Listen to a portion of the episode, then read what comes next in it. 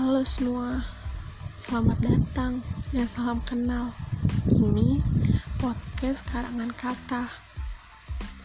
Hari ini, Karangan Kata akan membacakan sebuah puisi yang pertama kali dibuat, yang bertujuan untuk dia.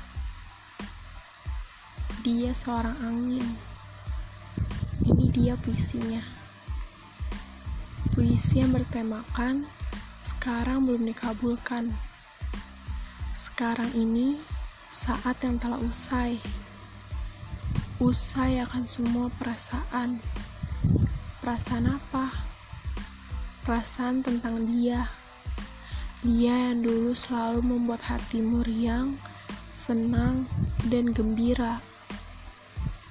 Tetapi sekarang dia telah usai tidak ada lagi seseorang yang membuatmu dan hatimu segembira dan sesenang dulu. Saya tahu pasti hatimu selalu mendoakan dia, walaupun sekarang belum dikabulkan. Pada saat ini, kamu harus berharap dan berdoa. Berharap semoga perasaan yang telah usai ini berubah dan berdoa agar doamu yang terbaik untuknya dikabulkan. Jakarta, Jumat 10 Januari 2020.